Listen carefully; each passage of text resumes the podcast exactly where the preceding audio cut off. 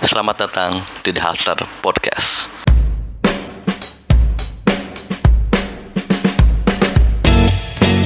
Jadi sukses kan banyak faktornya. Salah satu yang bisa kita kontrol adalah etos kerja kita, keras kita, dan itu adalah hustle.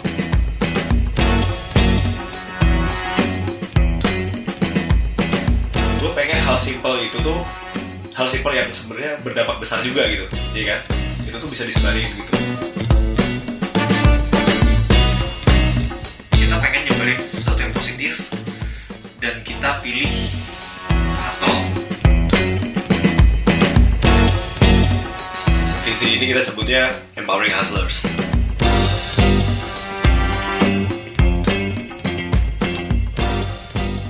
Kita akan mulai sebuah uh, project pilot buat Dasar Club. Jadi kita akan mulai sebuah project podcast uh, yang kita harap sih bisa bantu teman-teman hustler semua di sini buat bisa dapat insight lebih dalam dan bisa mendapat manfaat lebih dari Dasar Club. Mungkin sebelumnya perkenalan dulu, kenalin nama gue Khalifah Ardi. Teman-teman gue di THC nih atau Dasar Club bilangnya gue Aceng. Up to you, lu mau nggak manggil gue Khalifah, manggil gue Aceng, nggak apa-apa. Eh, gue enjoy aja, lu mau manggil apa pun. Nah, jadi di hari ini eh, podcast pilot ini kita akan ngomongin tentang apa sih Dasar Club gitu. Jadi nanti eh, di sini gue udah ditemanin sama dua orang foundernya, founder dari Dasar Club. Jadi ada Aldo Halo Om Aceh. sama ada Afif. ya gue Afif Oke. sorry Nah, jadi mungkin sedikit eh, sedikit em, intro sedikit ya. Jadi Dasar Club itu sebetulnya foundernya itu adalah Aldo sama Afif. Nah, gue di sini kebetulan adalah teman sekosannya Afif waktu kuliah dulu dan gue diajakin sama Afif. Jadi mungkin gue jatuhnya kayak ke founder kali. Nah, jadi founder sebenarnya founder dari Dasar Club itu adalah Aldo sama Afif. Mungkin kita mulai dengan eh, kita pengen tahu nih baik dari Aldo sama Afif itu dia tuh siapa sih sebetulnya? Gue kita mulai dulu mungkin eh, Dok, silakan. Lo boleh kenalin di luar di di luar sini. Apa yang mesti gue kenalin? Ya jadi gue Aldo. Em, em, apa ya yang mesti gue introduce ya? Gue sekarang se- eh, seorang marketer di sebuah startup. Terus kesibukan sehari-hari gue adalah em, selain kerja, gue punya side hustle, yaitu gue mau membangun komunitas ini sih sebenarnya, si THC ini atau The Hustler Club. Oke, kalau lo Fif gimana? Ya eh, kalau dari em, kerjaan gue sekarang gue lagi fokus ngembangin diri sama kerja di sebuah startup e-commerce Indonesia. Gue kerja di bidang user experience sebagai researcher. Dan ya mungkin itu cukup. Gue sambil iseng-iseng juga sambil ngejalanin side hustle gue di The Hustle Club ini awalnya sama Aldo. Yes. diajak kita ngobrol bareng. Terus awal sih em, sesimpel ide yuk bikin bisnis. Hmm. bisnis kaos. Awal gitu. Tapi eh, setelah kita ngobrol panjang lebar dulu pas masih kuliah sih lewat telepon. Ya dulu jadi gue pertama sorry oke oke. Jadi gue sebenarnya sama Afif ini teman SD, teman SD, terus eh, SM, SMP masih ya, masih SMP SMP masih deket, terus SMA, Beda kampus doang ya, beda SMA, beda SMA. SMA beda, gue ke Bandung, dia ke gue Cirebon. gue Cirebon Nah terus Emang lu SD di mana sih? gue SD di Indramayu sama dia. Oh, oke. Jadi eh, bokap kita satu perusahaan lah, jadi kita ikut bareng. Nah terus begitu lama nggak bersua, tiba-tiba gue kepikiran sebuah ide random yang ngajak temen SD gue, gitu. temen SMP gue. Terus Kenapa kepikiran kepikiran buat ngajaknya Afif gitu? "Ah, jadi apa ya? Gue melihat ada potensi lah di Afif. Jadi kayak gue waktu itu sempat bisnis juga ya malu ya. Jadi Iya. waktu gue kuliah dia pembeli gue. Iya. dia punya apa nih? Lu jualan apa? Gue waktu itu eh, produksi jaket buat teman-temannya Afif. Ya nggak tahu mungkin lu juga enggak ya? Dia enggak. oh enggak enggak. Enggak. Nah, gue produksi itu terus kita ngobrol-ngobrol bisnis ternyata nyambung nih gitu. Terus Hmm. akhirnya karena ternyata dia pun juga bisnis yang sama di di Malang ya lu ya? Iya, lupa. di Malang terus ya kita kayak sama-sama main di apa sebutannya produksi tekstil atau aku di konveksi gitu. ya konveksi terus ya udah ngobrol-ngobrol terus ayo kita bikin sesuatu yang beda nih nggak cuma jualan kaos tapi ada value di balik itu gitu Iya. Oh, nah, value. lanjut nih Ya, cerita. sebenarnya ah, betul gitu kata Aldo. Terus em, dari hasil ngobrol ternyata malah menjurus nih, menjurusnya ke eh gimana kalau kita sekalian nggak cuma jualan kaos doang, Oke. tapi gimana kalau kita eh, nyebarin semangat kerja keras juga ke orang-orang kon- konsumen kita yang nanti bakal beli kaos. Pertama, pertama dari situ tuh tujuan kita, goals kita pengen kayak gitu. Kenapa semangat yang pengen diusung itu semangat kerja kelas gitu? Em, sebenarnya dari pengalaman sih dari pengalaman pribadi karena em, Apa lo berdua merepresentasikan diri lo tuh sebagai seorang pekerja keras gitu apa apa gimana? sebenarnya nggak gitu juga cuman em, hal kecil yang lo bisa lakuin itu ya tiap hari eh, pas lagi mulai eh, lo mau memulai hari lo ketemu teman kerja lo atau teman kuliah eh, supaya dia lancar nih satu hari ngerjain tugasnya dia atau ngerjain itu lo sesimpel kayak hey bro semangat ya misalnya gitu. Atau enggak lo ajak dia ngobrol lo ajak dia tos misalkan kayak gitu. Yang bikin kayak ada busnya gitu tuh itu udah udah udah menurut gue udah udah udah bisa ini ya udah bisa ngasih power up gitu buat eh, teman-teman lu gitu loh. Nah gue pengen hal simple itu tuh hal simple yang sebenarnya berdampak besar juga gitu ya kan? Itu tuh bisa disebarin gitu.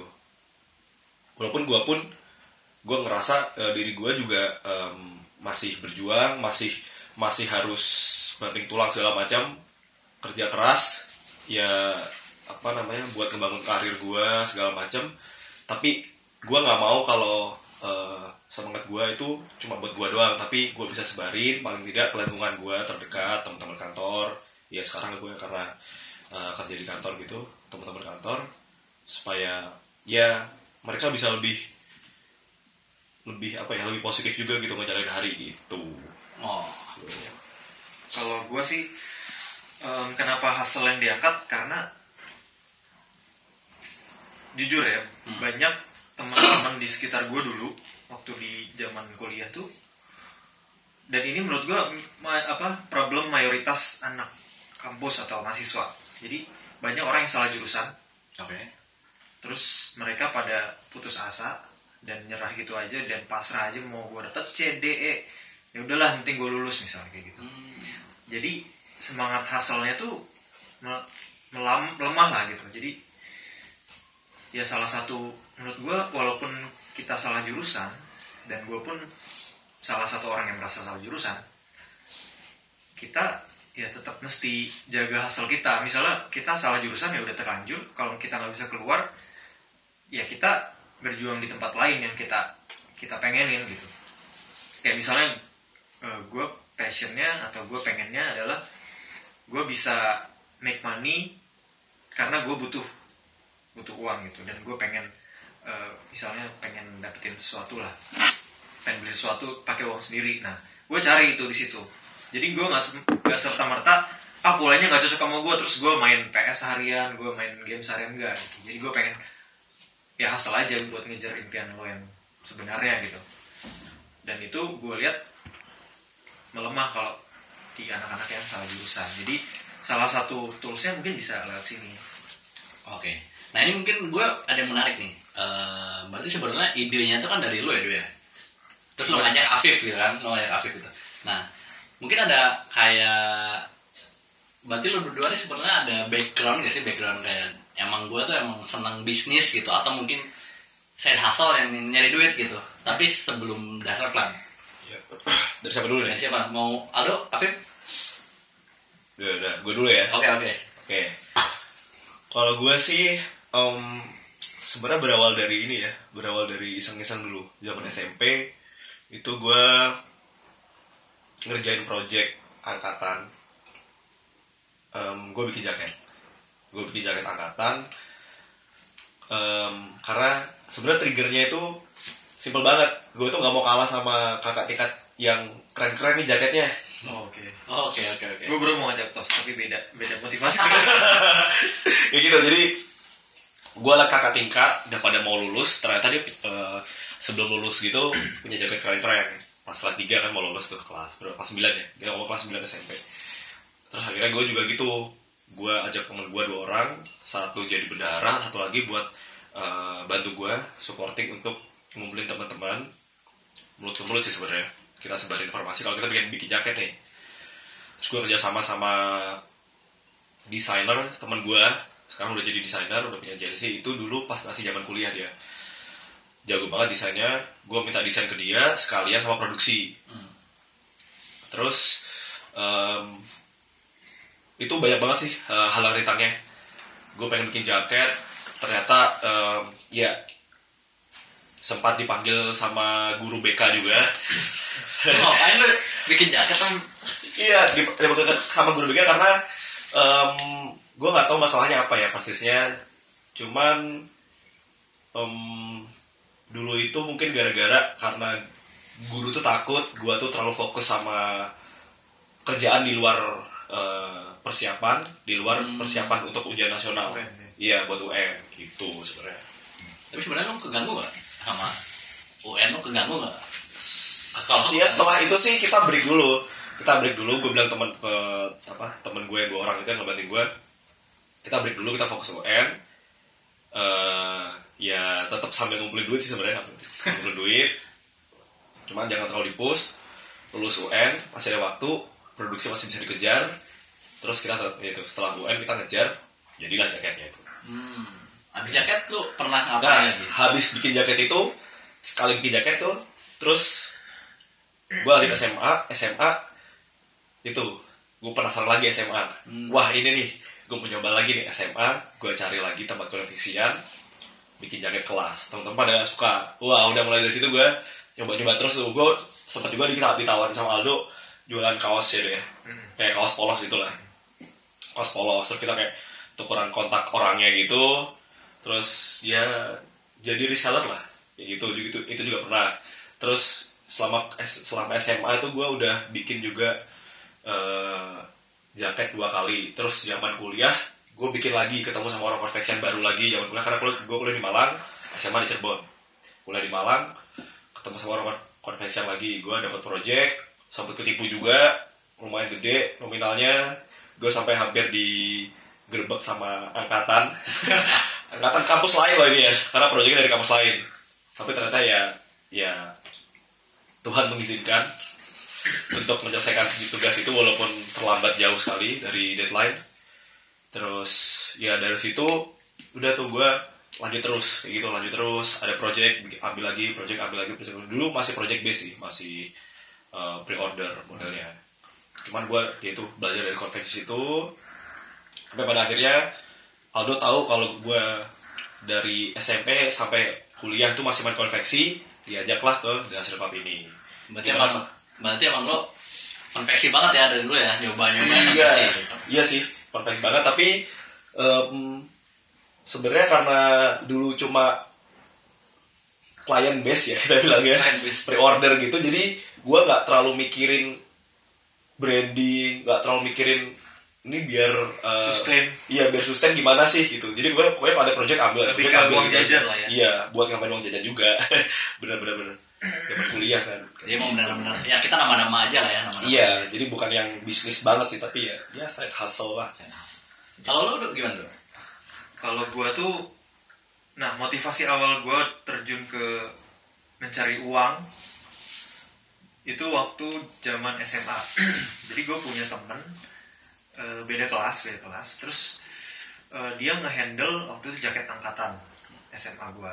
Nah, terus eh, begitu gua tahu harganya, wah, gua agak kaget juga, agak kaget. Oh segini harganya. Terus eh, gue ngelihat dia tuh kayaknya laris-laris aja gitu jualan jaket angkatan yang ya kalau dipikir sekarang sih ya make sense lah jaket angkatan cuma satu dan sekali ya pasti laris gitu cuman waktu itu gue mikirnya adalah anjir nih orang bisa masa gue nggak bisa gitu. Ini kan SMP. SMA Oh, SMA. SMA jadi setelah itu gue berpikir untuk oke gue akan mencoba hal yang sama dan gue akan mendapatkan keuntungan yang sama dengan yang teman gue waktu itu dapetin.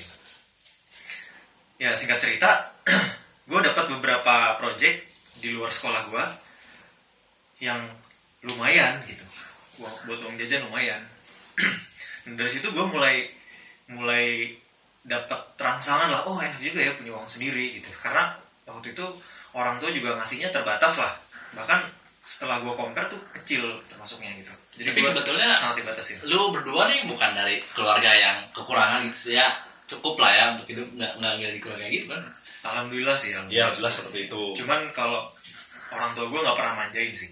Jadi kayak mau beli misalnya mereka mau beliin PlayStation tapi gue nggak pernah dibeliin gitu. Jadi bener-bener ini ada cerita nggak apa trivial sedikit. Ya nggak apa nggak apa nggak? jadi gini gue punya gue waktu SD curhat ya curhat gue waktu SD ini bokap gue yang cerita. Gue waktu SD itu em, punya sahabat yang rumahnya di belakang rumah gue terus eh, intinya ceritanya gini. Jadi hampir setiap sore tuh gue main ke rumah eh, rumah teman gue itu.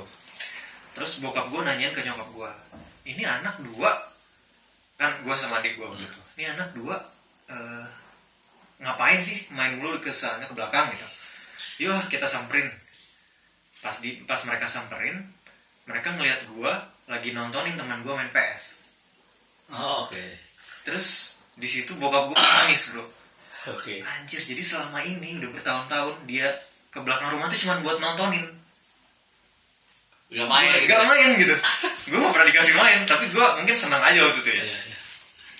Nah habis itu gue diajak pulang di situ gue diajak pulang terus gue dibeliin PS. Padahal gue udah ngerengek-rengek waktu itu minta PS tapi nggak pernah dikasih karena eh, bokap pengen ngajarin bahwa ada saat ada kalanya lu bisa beli tapi lu belum butuh beli gitu. Dan Oh. dia pengen mengajarkan value ya jangan manjain anak gitu. Gitu. Jadi ya gue pun sekarang menyadari gue nggak terlalu head on gue nggak terlalu apa yang gue pengen langsung gue beli gue cukup sederhana sih nah itu trivial. Balik lagi.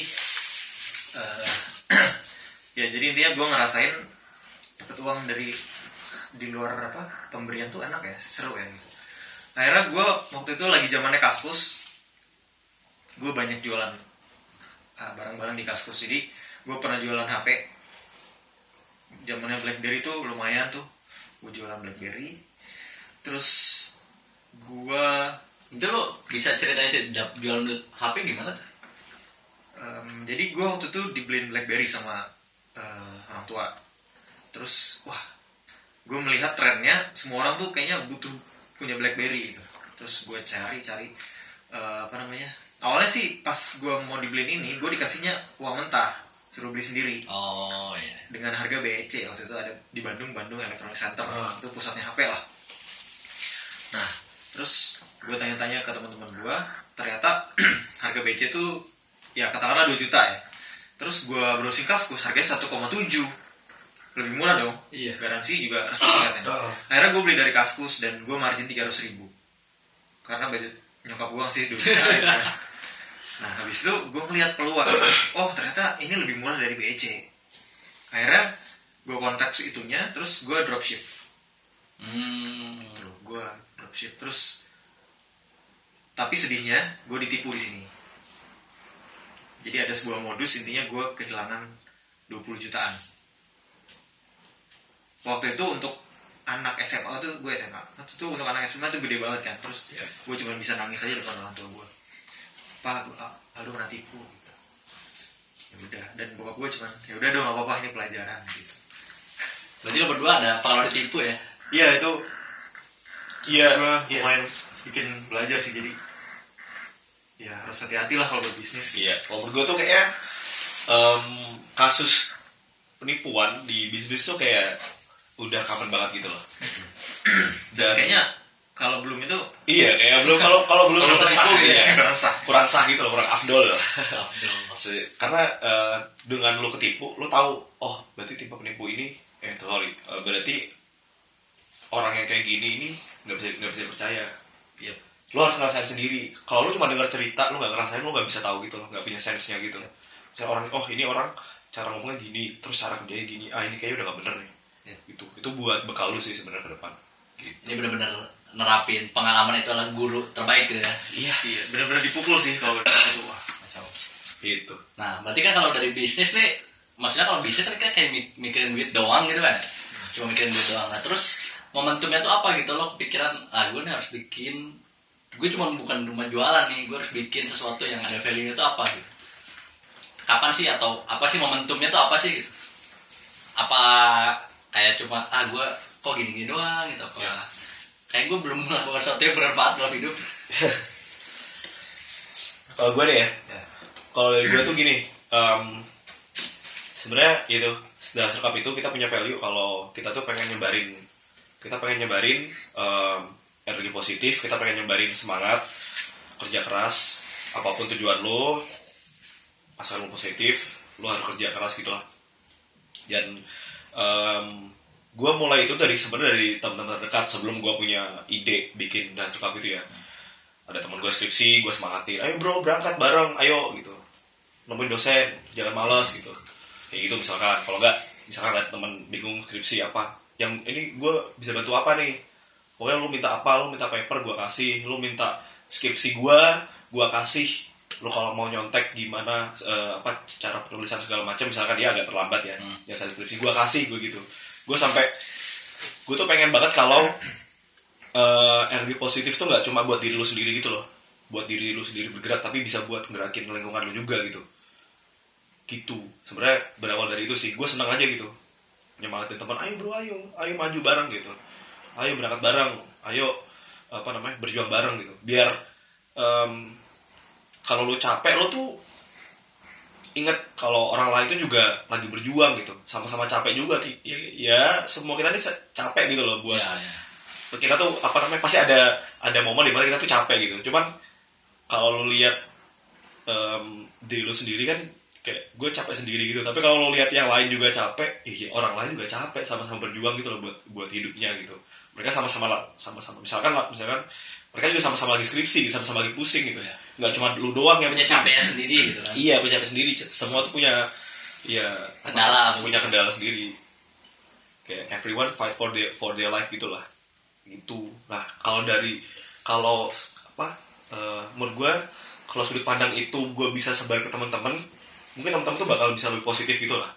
Bisa ya at least mereka bisa lebih semangat. Lagi kerja pas lagi down oh iya nggak cuma gue doang nih yang lagi susah gini yang lain juga lagi susah lagi berjuang juga gitu. Gitu. Kalau gue sih simpel itu sih. Ya, Lu gimana, Dok? kurang lebih sama sih. Jadi em, sebenarnya kenapa namanya kita kasih club? Hmm. itu visinya adalah kita pengen nyari orang-orang like minded gitu. Orang-orang kayak kita.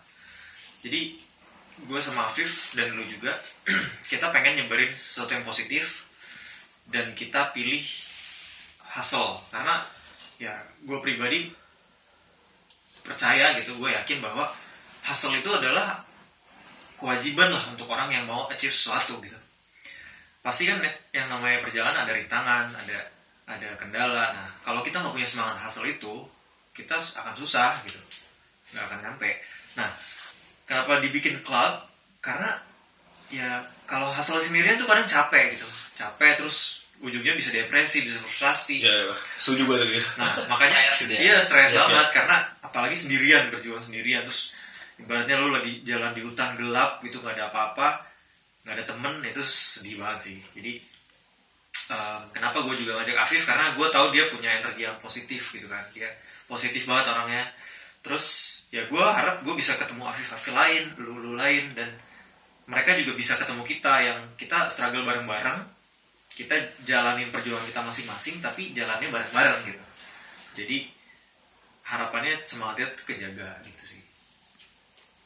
That's why namanya The Hustler Club. Jadi sebenarnya dasar club ini kayak bukan berarti kita bikin dasar club karena kita tuh benar-benar pekerja keras atau udah sukses gitu ya. Oh, enggak. Tapi lebih sama sekali. Kalau gue nangkep sih kayak ini tuh lebih ke kayak eh, kita tuh kita nih bikin dasar club dari orang-orang yang juga lagi hustle gitu. yes Yap. Kita kita sendiri juga lagi hustle gitu kan belum Yap. men- belum mencapai mungkin goals goals kita sendiri gitu yang Iya, pengen dicapai. iya, kita juga masih jauh gitu dari dari Iya.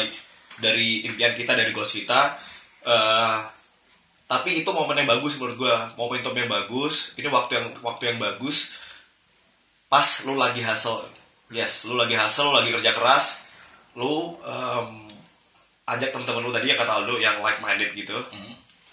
yang lagi berjuang juga ingetin mereka. Kalau lu tuh nggak nggak lagi sendirian apa namanya berpusing-pusing ria berhasil-hasil ria tuh lu lu tuh nggak nggak sendirian gitu. Tapi lu ya lu lihat juga gitu yang yang lain juga lagi pada semangat. Dengan apa namanya ngerefleksikan kayak gitu tuh bakal oh iya bener juga ya. Orang lain tuh juga juga hasil kok. Ngapain gua ini sih? Ngapain gua ngeluh sih? Misalkan gitu ya. Ngapain gua marah-marah sih gitu. Itu bakal bisa ya. Kalau gue sih pengennya kalau gue pengennya pasti ini sih bikin orang-orang lebih lebih lebih sadar aja. Gitu. Kadang emang kita emang kita pasti kalau kerja keras kita kerja kita kita sekolah kita kuliah tuh pasti ada capeknya pasti gitu. Pasti. Pasti ada capeknya pasti ada ya kita butuh istirahat kita butuh menenangkan diri pasti ada cuman jangan sampai eh, pas lu lagi istirahat pas lagi ini lu berhenti gitu istirahat boleh tapi berhenti jangan men. gitu Nah, medianya nih. Kenapa kaos? Apa gara-gara emang backgroundnya di apa di kon- konveksi apa? Aldo kali bisa jadi sih bisa jadi itu salah satu faktor tapi em, yang gue lihat tuh gini kaos itu sebenarnya kalau lu benar-benar perhatiin itu adalah banner berjalan bro Hmm, oke.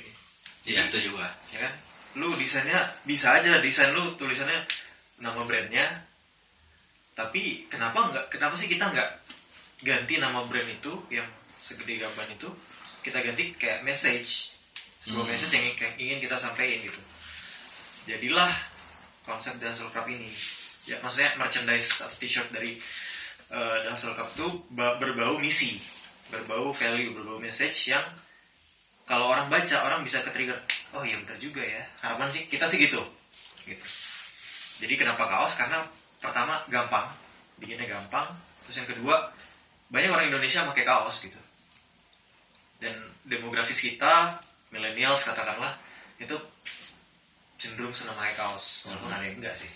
Tapi ke depannya apakah eh, emang fokusnya ke kaos kita atau mungkin ada jenis-jenis lain gitu yang Enggak sih. bisa merepresentasikan apa yang diinginkan dari dasar klub sendiri enggak sih kita nggak fokus ke kaos tapi kita fokus ke deliver message luar nasi. Iya.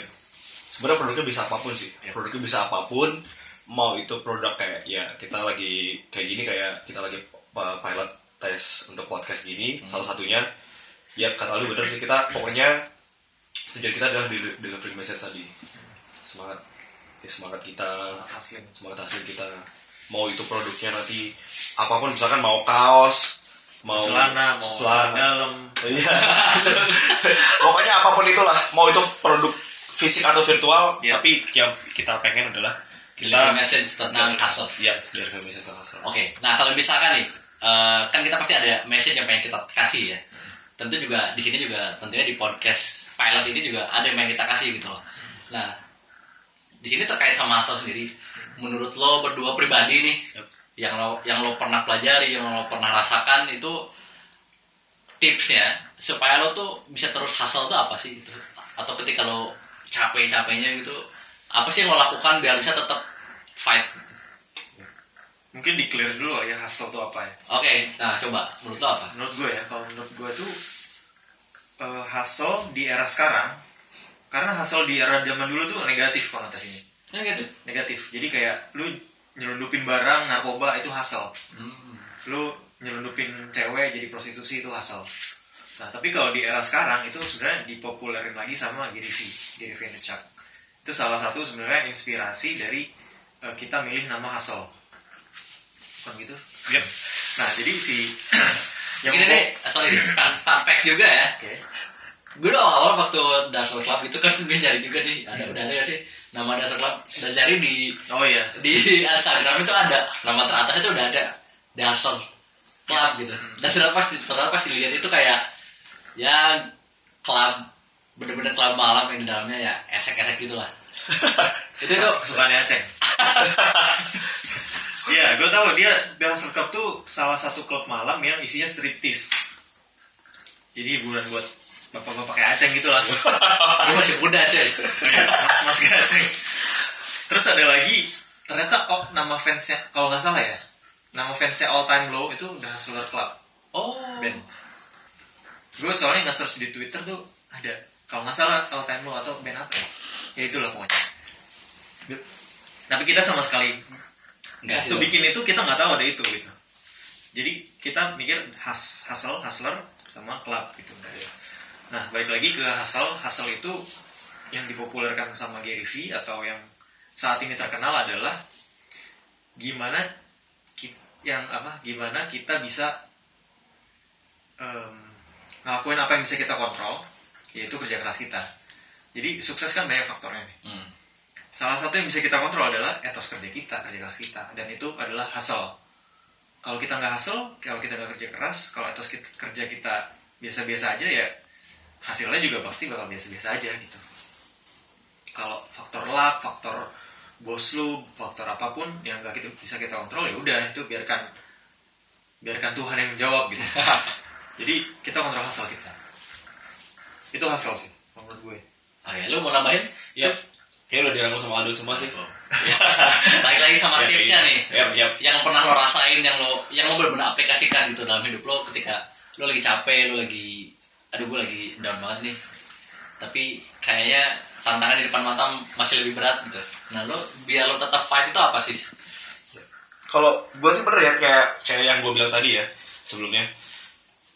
Gue selalu ingat nggak cuma gue doang gitu yang lagi capek, gitu kan?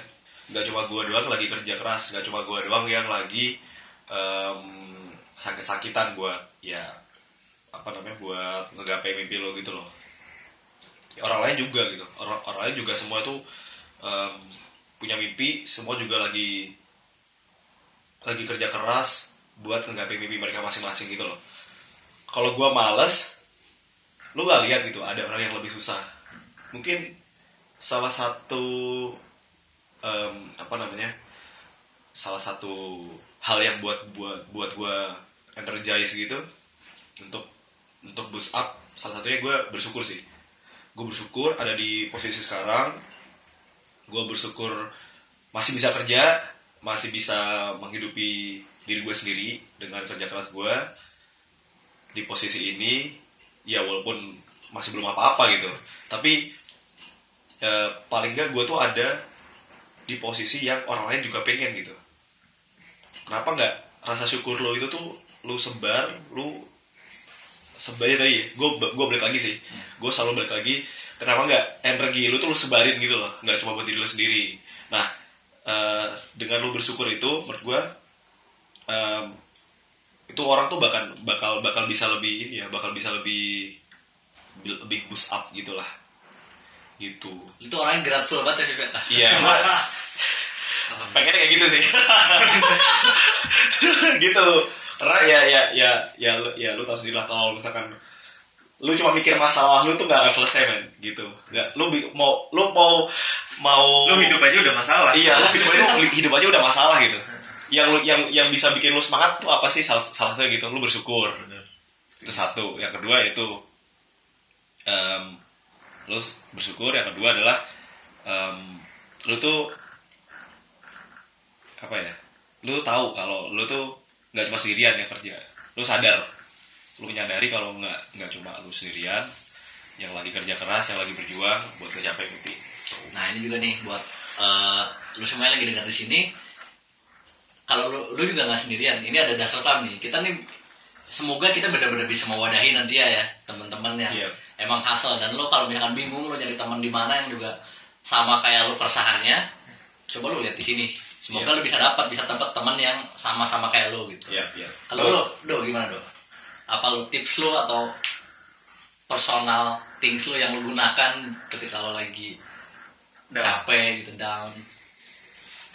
Em, apa ya kalau gue apa ya jarang sih gue down wajar gak? Yo, wajar wajar aja kan. Orang beda-beda kan. kalau gue Atau mungkin kalau lu melewati masa-masa sulit gitu. Iya, sulit gini. pasti pernah kan? pernah gue pernah gue pernah merasa eh, masa-masa sulit gue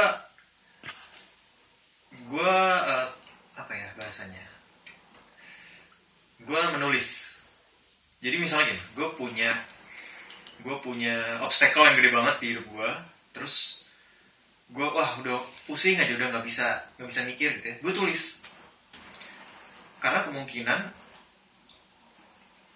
itu tuh cuma ada di otak gue gitu Hmm. jadi gue pernah waktu itu wah kepukul banget lah ada suatu hal gue pukul banget terus gue tulis bener-bener mungkin dua lembar dua lembar Apa? A4 Jangan, gitu. tulis apa tuh? Nah, yang gue tulis tuh asumsi-asumsi yang ada di kepala gue. Misal, gue waktu itu nah, ceritain ya? Berarti jatuhnya kayak overthink gitu ya. Iya, jadi sesuatu yang mengkhawatirkan gue lah, bilangnya kan. Terus gue tulis asumsi-asumsi mungkin waktu itu ada dua lembaran gitu, terus gue baca ulang. Setelah gue rasa udah udah apa, udah selesai, nggak ada lagi yang bisa ditulis, gue baca ulang. Oh gini. Jadi kayak kita jadi gue kayak keluar dari badan gue terus gue pakai sudut pandang orang lain gitu Oh. terus gue baca lagi oh si Aldo nih ini ya keluhannya yang lagi dirasain ini ya terus gue baca terus entah kenapa sedikit berkurang Hmm. kegelisahan atau kekhawatiran itu sedikit berkurang terus ya udah gue oke sekarang gimana solusinya gitu jadi waktu gue dapet obstacle yang besar gue melakukan itu sih Nah, ini berarti dua tips nih, dua tips utama nih bisa lu gunain nih. Kalau dari Afif lu, lu tuh harus bersyukur gitu. Lu bener-bener bersyukur. Karena sebetulnya mungkin kita bangun tidur pas hidup aja tuh harus udah syukuri banget ya. Yap. Nah, terus sama Aldo nih, tipsnya menarik juga nih Aldo nih. Lu, apa pun lu lagi down itu, coba lu tulisin semua kekhawatiran lu, apa yang lo overthinkingin di kepala lo, lo tulis. Terus coba lo lihat dari, lo baca lagi sebagai sudut pandang orang ketiga ya, bukan Iya. sudut pandang lo sendiri. Nah ini menarik, mungkin bisa gue coba lah kawan-kawan. iya iya coba coba Ya, gue, gue juga baru tahu, jujur aja gue yang dibilang sama Aldo nih gue baru tahu kalau Afif emang dia anaknya positif banget sih. positive vibes only Iya, positif vibes only dia sama Afif. Tapi kalau Aldo nih, gue jujur baru tahu yang dia nulis sendiri. Tapi sebenarnya em, kalau dua tips aja kurang kali ya. iya sih Gue satu tips lagi dari Bapak Aceh. oh iya boleh Oh dari gue nih. Iya, dan kalau dari lu gimana Cek? dari gue, dari gue. dari gue. Kalau gue jujur, gue ketika lagi down, biasanya gue bener-bener kayak eh, ini sih, kayak lebih ke ngasingin diri sih jujur di gue. Jadi kayak gue tuh kalau misalnya lagi down, gue bener-bener istirahat aja gitu. Entah itu sehari, secukupnya gue lah gitu. Sehari gue bener-bener kayak udah diem aja nggak ngapa-ngapain, mau tidur seharian, mau apa pokoknya bener-bener gue istirahat. Yap. Nah, tapi itu buat gua nggak tahu ya mungkin ini nggak ber nggak ber, nggak berlaku gua juga buat orang-orang lain tapi kalau buat gua ketika gua lagi capek lagi down itu gue istirahat seharian gue ngapa-ngapain biasanya setelah itu tuh gue kayak udah fresh lagi gitu. Yap. tapi kalau misalkan emang bener-bener udah down banget biasanya gue cuma butuh kayak satu orang yang bisa dengar gue nggak minta gue gue nggak minta solusi gue nggak minta ini. Udah lu denger aja nih gue lagi keluh kesah nih. Nah udah udah denger gitu ya udah. Gue langsung kayak ah oke. Eh, sikat lagi. Nah, Oke, berarti salah satu pendengarnya cewek lu Cek ya? Punya lu ya? Nggak Kalau juga, kesah ya? juga. Oh. Tapi yang bener-bener, jadi yang bener-bener gue, yang bener-bener gue sering lakuin sih eh, itu sih. Gue kadang-kadang kayak Iya, iya. sengaja gitu, misalnya lagi capek kerja nih, ya gue jujur aja, gue cuti aja, cuti gitu. Cuti padahal gue nggak ngapa-ngapain, cuma di kosan doang tidur gitu. Nah, tapi abis itu, abis itu gue ya udah fresh lagi gitu.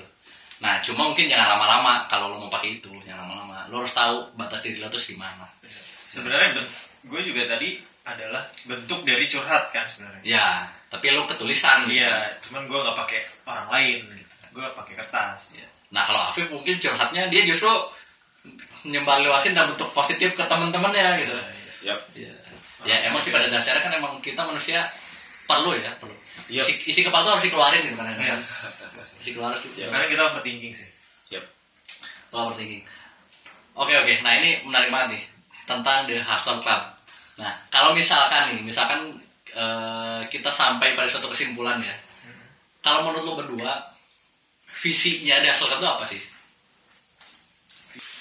Kita nyebutnya, Ya. yes, visi ini kita sebutnya Empowering Hustlers. Oke. Itu visi kita. Empowering Hustlers dengan beberapa misi, dengan banyak misi. Salah satunya ya kita kita eh, yuk bareng-bareng nggak cuma nggak cuma gua Aldo dan si Aceng nyebarin ini tapi lu semua juga nyebarin gitu loh men. Buat lingkungan lu jadi lebih positif buat eh, lingkungan sekitar lu jadi lebih lebih apa ya lebih bisa ngerefleksikan diri lebih bisa sadar kalau kerja keras itu penting. Dan juga nyebarin ker- semangat kerja keras itu juga penting gitu. Itu kalau dibuka kalau dari satu kalimat kan kita empowering hustlers salah satu misinya ya Lu mau main dong? Salah satu bentuknya kali ya. Oke. Jadi kan visinya, visinya itu kan apa ya clouds, eh, ya sesuatu yang belum ada bentuknya. ya Nah kalau salah satu bentuknya itu sebenarnya kita pengen ngidupin klubnya sih, it love. klub. Jadi benar-benar kita ngumpul harapannya nanti berkembang nggak cuma kita bertiga nanti bisa berlima bersepuluh berseribu bersejuta. Yang hasil hustling bareng-bareng terus di mana ada momen ketika gue lagi down teman-teman gue bisa nyemangatin gue dan sebaliknya. Dan bukan cuma nyemangatin tapi juga ngebantuin gitu nyari solusi terus berkembang bareng lah gitu. Itu sih salah satu bentuknya yang kita pengen coba buat dan ya kita dari awal udah bilang eh, udah em, bilang kalau ini klub. Kenapa? Karena itu basis kita pengennya kita tuh komunitas. Walaupun lu em, ada di ujung dunia mana tapi eh, pikiran dan semangat lu tuh sama gitu. Visi misi lu sama sama bareng kita. Yaitu kita nyebarin semangat kerja keras halser kita em, saling dukung, saling ngingetin, jangan sampai eh, cuma lu doang yang punya semangat itu, yang punya energi positif itu, tapi kalau disebarin, kalau emang itu bisa disebarin, gue yakin semangat lu tuh bakal bakal em, bakal mel- apa namanya bukan melas sih, bakal multiplying gitulah Oh. bakal lebih bercabang, lebih besar. Karena kalau lo semangat dan lo nyemangatin orang lain dan orang lain itu semangat gitu ya. Itu kalau dari gue, gue sendiri gue ngerasa wah cuma ngasih kayak mungkin kayak makasih gitu doang ya. Gue pernah tuh, gue diceritain sama oh ini gue cerita sedikit. Eh, mungkin lo juga pernah dengar ceritanya ini sesimpel lo ngasih terima kasih, lo ngucapin terima kasih ke satpam di kantor lo atau di atau OB di kantor lo itu mereka bisa semangat banget gue pernah dapat cerita itu. Ya beberapa kali lah. Eh, Contohnya, contoh misal. satpam sih ya. Gue pas ngobrol sama satpam di kantor gue pas di obrolan itu dia bilang oh iya mas em, saya tuh sebenarnya nggak nggak nggak perlu dikasih apa-apa nggak perlu kasih jajan sama teman-teman kantor sama orang-orang kantor tuh nggak masalah. Saya tuh diucapkan terima kasih. Ini sudah saya, saya sudah semangat banget gitu. Cuma makasih doang men. Gitu kan. Itu tuh salah satu bentuknya sih yang bisa lu laka- la- yang bisa lu lakuin sesederhana itu sesimpel itu gitu. Makasih pak. Makasih mas. Kalau ada apa eh, mas-mas OB yang entah itu lagi apa nyapu lantai yang lu tempat kerja lu di situ makasih ya mas. Lagi ngepel makasih mas. Itu lu dibantu nyebrang sama Pak Satpam misalkan. Makasih Pak. Itu sesimpel makasih Pak nggak ada effortnya sama sekali. Itu cuma nggak sampai tiga detik lu ngomong makasih. Ya nggak sih? Udah. nggak sedetik doang gitu. Tapi itu efeknya bisa satu hari men buat orangnya. Makasih Pak. Uh, dia udah bener-bener ngebus up buat kerja satu hari. Wah gua gue dibilang makasih nih dari hasil kerja gue Karena mungkin itu kayak kerja dia ya. Iya itu emang kerjanya dia. Tapi sebagai bentuk apresiasi doang itu. Semudah itu makasih. Apalagi lo nyebarin lebih dari makasih gitu. Iya, benar. Misalkan lo kasih support dia, bro kenapa bro? Lagi pusing kenapa? Gue bisa bantu apa nih? Kayak Nah. gitu. Nah ini nih, eh, kan ini berarti mungkin bisa dibilang ini karya pertama kita ya. Yap. Ini hal pertama yang kita buat di Dasar Club. Bentuknya bukan produk, tapi bentuknya lebih kayak emang kita benar-benar ngasihin pikiran kita Yap. ke dalam podcast ini gitu. Mungkin nanti kan ini kan pilot ya. Nah ini akan ada nih selanjutnya. nggak akan tahu nih bakal publish apa nih harus publish lah, harus publish, harus publish. Harus publish ya? Harus publish, harus publish. Nah ini nanti akan selanjut selanjutnya mungkin eh, eh, dari hasil dari podcast ini Hmm. akan lebih banyak podcast lainnya yang di dalamnya nanti akan dibahas. Sebenarnya intinya sih kita pengen tahu nih, misalkan ada orang yang lagi berusaha di bidang kopi misalnya, nah lu tuh has kesulitan-kesulitan menghadapi itu apa di bidang kopi? Terus ya, momentum lu apa ketika untuk bangkit dan mungkin tips-tips lo tuh seperti apa nah, kayak gitu tapi di bidang-bidang lain intinya di Hustler Podcast tuh kayak gitu gitu nah mungkin gue juga akan ngasih se- eh, se- sebutan juga bu ya buat eh lu pendengar dan untuk narasumber-narasumber kita gitu karena kita dasar club mungkin gue ngasihnya hustle aja gimana apa lo atau punya ide lain Hustler. Hustler oke sih. hustle oke Iya, karena emang ya, dari- ya dari brand, dari brand kita udah Hustler Club kan. Oke. Jadi ya sebuah komunitas, sebuah klub dari hustler-hustler ini gitu. Iya. Oh iya, tadi gue juga mau nambahin eh, dari Aceh. em, kita pengen di podcast ini itu bisa em, ngasih tahu kalian nggak cuma motivasi doang. Kalau motivasi itu ya ya udah gitu, udah biasa. Tapi sebenarnya masa-masa sulit, Ya. cerita-cerita sulitnya dia, terus cara dia eh, cari dia dulu eh, apa bangkit lagi itu gimana. Jadi bener-bener realita, bener-bener cerita asli. Misalnya dari tadi eh, orang yang bisnis kopi, pasti bisnis ada naik turunnya gitu ya. Hmm. Nah, gimana sih cara dia ngadepin itu? Terus gimana bener-bener dia itu bisa bangkit lagi, bisa tahan banting, walaupun ada naik turunnya bisnis, tapi ya itu dia gimana cara ngadepin gitu. Gue jadi eh, kita di sini dasar tuh pengen banget nunjukin ke lu kalau em, apa ya em, kerja keras apa pun itu itu benar-benar akan membuahkan hasil lah gitu. Dan nggak cuma motivasi tapi benar-benar cerita asli. Mungkin kalau eh, mungkin kalau itu memotivasi lo itu adalah Bonus gitu. bonus buat lo gitu.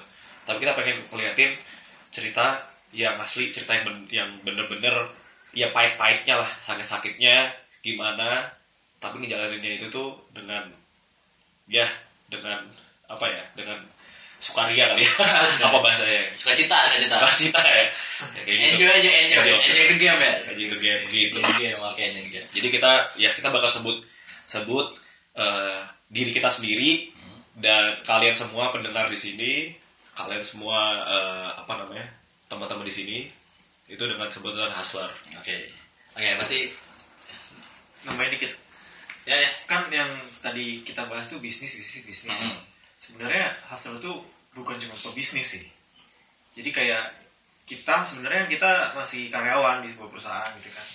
Terus ada lagi misalnya orang yang lagi niti karir jadi misalnya jadi balerina atau jadi tukang gorengan atau jadi pengusaha apa ayam. batu, misalnya ayam apa Mie ayam masih bisnis sih cuman kayak hustler itu bukan berarti dia sama dengan pebisnis, Pebisnis. tapi Yap, yap, dia yap, yap. punya jiwa pengen improve punya sesuatu untuk di achieve dan dia Yap.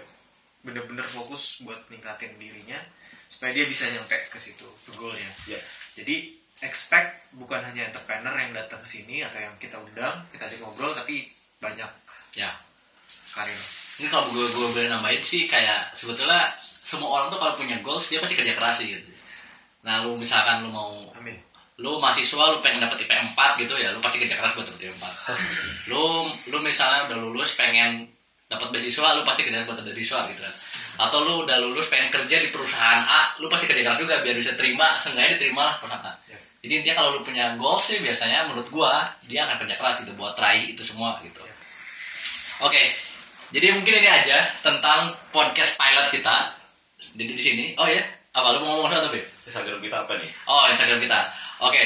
Jadi kalau misalnya lo belum dengar, lo belum, lo belum tahu atau lo belum eh, pernah dengar, jadi kita ada website dan juga ada Instagram. Kalau lo belum pernah follow, silahkan follow di @thehustle_club. Nanti ada ada Club yang logonya, lambangnya itu ada lambang pickaxe. mungkin kita bahas di episode selanjutnya Ya, oke kita dibahas di episode selanjutnya ya. Eh, dan juga kalau misalkan eh, lo mau lihat website juga kita ada website di thehustleclub.id eh Ya, betul. dot .id. Nah, semoga ini jadi awal buat kita. Kita sangat menunggu banget kalau ada feedback. Jangan lupa lo bisa komen langsung ke Instagram kita atau lo bisa eh, Bisa DM kita langsung atau juga. bisa DM kita langsung juga. kita bakal senang banget sih kalau eh, teman-teman semua the hustler itu bisa komunikasi langsung sama kita ngobrolin apa pun lah pokoknya Ya. kita pengen tahu cerita kalian eh, gimana perjualan lo lo nggak sulit sekarang lagi ngapain jatuh bangun lo kayak gimana sampai sekarang kita bakal senang banget sih kayak seru aja gitu ya Ya, benar. Kasih Nah, nanti up- update apa pun tentang The Hustle Club kemungkinan ma- main atau primary accountnya itu di Instagram. Ya. Nanti misalnya ada update kita akan eh, keep in touch di situ. Mungkin kita dalam waktu dekat akan bikin sebuah channel baru di Ya. podcast ini. Tapi kalau ada channel-channel atau inisiatif lain dari kita, mestinya lewat Instagram sih kita update. Nah, semoga harapannya ini jadi awal, tapi juga tapi tidak menjadi akhir. Semoga ini jadi awal, tidak menjadi akhir.